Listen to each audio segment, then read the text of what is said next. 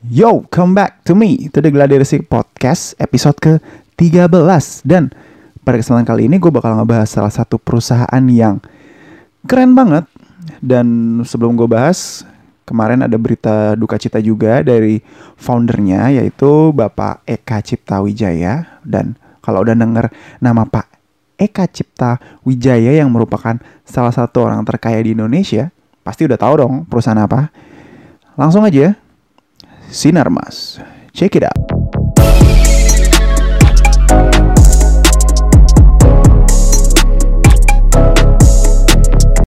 Agu News.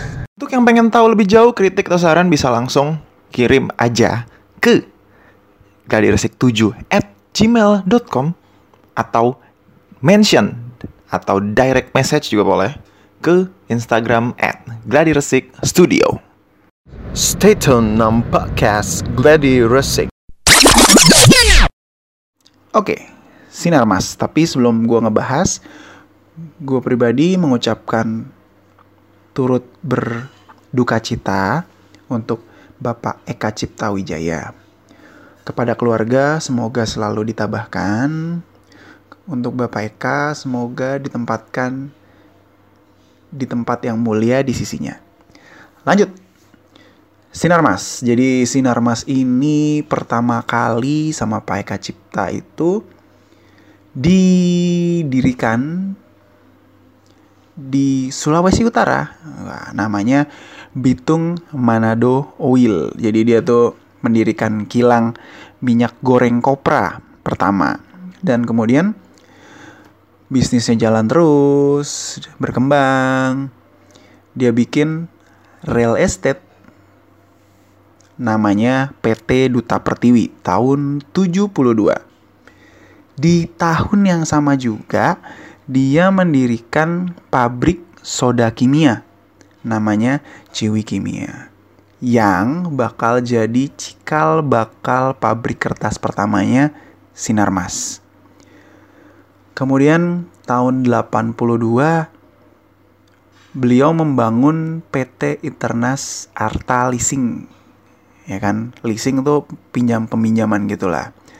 Kemudian tahun 86 bikin Sinarmas Forestry beliau mau mengelola hutan tanaman pertamanya. Lanjut tahun 96 bikin lagi namanya Dian Swasta Tika Sentosa. Itu buat memfasilitasi listrik ke pabriknya beliau. Tahun 2005 mengakuisisi bank yang setahun kemudian resmi namanya jadi Bank Sinarmas. Tahun 2006 kemudian dia bikin lagi nih telekomunikasi namanya PT Smart Telekom. Kalau nggak salah tuh namanya produknya Smart Friend kalau nggak salah. Terus Sinarmas sekarang tuh udah punya 6 pilar bisnis mulai dari pop dan kertas, agribisnis, pangan, layanan keuangan, pengembangan dan real estate, kemudian telekomunikasi, habis itu ada energi dan infrastruktur. Yang pangannya gue belum tahu tuh apa. Nah, sudah 80 tahun lah kira-kira di tahun 2018 ini dia sudah mendirikan perusahaan yang gue deh banget gitu dan berbagai macam pilar. Apa sih yang kita bisa pelajari dari Sinarmas ini gitu? Oke. Okay kalau yang gue lihat beliau tuh mencoba masuk ke kebutuhan orang gitu kan. Tapi beliau juga bikin usahanya tuh yang saling support gitu dengan usaha satu dan usaha lainnya gitu kan. Kayak misalnya contoh nih beliau bikin pabrik gitu kan. Tapi nggak lupa juga beliau bikin pemasok energinya gitu. Ya kan? Kita ambil contoh tadi pabrik kertas.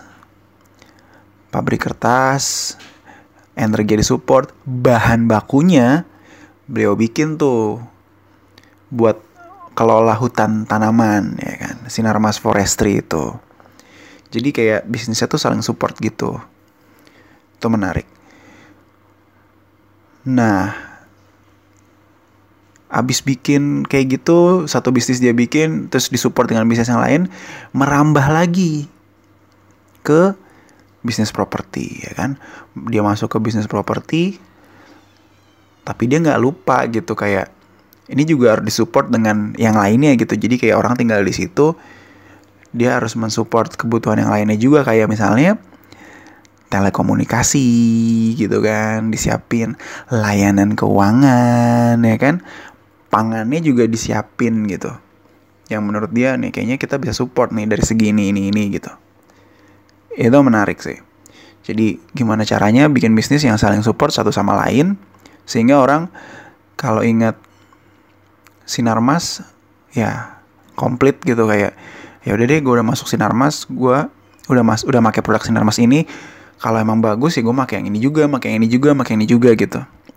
Dan karena yang menariknya Menurut dia, menurut Pak Eka, itu bisnis itu nomor satu tuh bukan uang modal utamanya wirausaha, tapi kepercayaan dengan modal tersebut lah. Kini bisnisnya banyak sekali. Waduh. Lanjut. Kita bikin simulasi deh misalnya. Tadi kan gue cerita-cerita kayak gitu.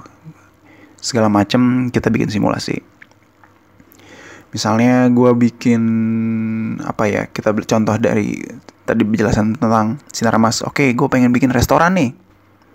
Restoran ini butuh apa aja sih gitu kan? Misalnya kita sebutin lah makanan alat-alat makan gitu kan. Kemudian media promosinya juga disiapin. Terus butuh orang-orang gitu kan. Butuh meja kursi segala macam peralatan lah dapur gitu kan Nah, gimana caranya gue bisa memenuhi kebutuhan itu gitu. Jadi muter uangnya di gue aja gitu gimana caranya gitu kan. Ya udah kayak satu gue bikin restoran. Nah untuk suplai bahan baku segala macem biar lebih murah beli banyakan, gue bikin pabrik central kitchen nih. Nah nanti kan enak nih punya central kitchen sekalian pabrik gitu kan nelorin lagi produk retail juga. Kemudian gue akuisisi juga misalnya sebagai distributor juga punya distribusi channel. Kemudian channel untuk re eh, apa retail gitu kan. Nah tapi tujuan awalnya untuk nopang si restoran ternyata bisnis yang baru dibikin ini pabrik sekaligus central kitchen gue punya banyak ranah ke mana-mana gitu. Apalagi tadi misalnya si pabrik ini nyuplai makanan terus juga nyuplai kebutuhan kayak peralatan-peralatan gitu misalnya meja, peralatan dapur segala macam juga disuplai dari Central Kitchen ini punya gudang sendiri dan segala macam gitu. Kemudian gue mikir lagi nih, oke okay, promosi. Ya udah sekalian aja bikin kantor pusat gitu yang isinya untuk karyawan-karyawan gue yang punya lah kita harus punya kayak gitu untuk ngitung uangnya segala macem ya kan akuntingnya. Kayak gitu. Dan gue juga punya orang-orang desain di situ. Kemudian apalagi sih misalnya tadi kan buat kebutuhan promosi gitu kan ada orang desain segala macam bisa gue bisnisin lagi nih. Bikin misalnya agensi khusus untuk kuliner. Jadi semua yang berhubungan sama kuliner tuh bisa ke gua misalnya gitu kan? Bisa ke gua langsung gitu misalnya. Itu yang bisa menarik. Jadi jadi apa ya?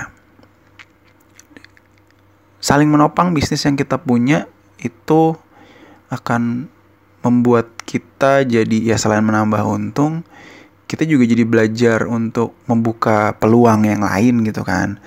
Tapi dari segi brandnya nomor satu adalah ya itu tadi kepercayaan. Kalau brand lo sudah sangat dipercaya, bikin apa pun yang baru pun itu berasa nggak terlalu sulit lah ibaratnya. Dan lo bisa bikin berbagai macam hal yang lo pengen gitu, berkembang, berkembang, berkembang gitu. Ya, itu aja dari gua dan segitulah tentang Sinar Mas dan mungkin nggak terlalu bahas banyak ya tapi lebih ke apa yang bisa diambil dari situ gitu kan kepercayaan sehingga bisa banyak pilar bisnis yang dikembangkan. Kemudian yang terakhir adalah buatlah brand yang saling menopang satu sama lain brand yang lo punya. Thank you. Gitu aja. Bye.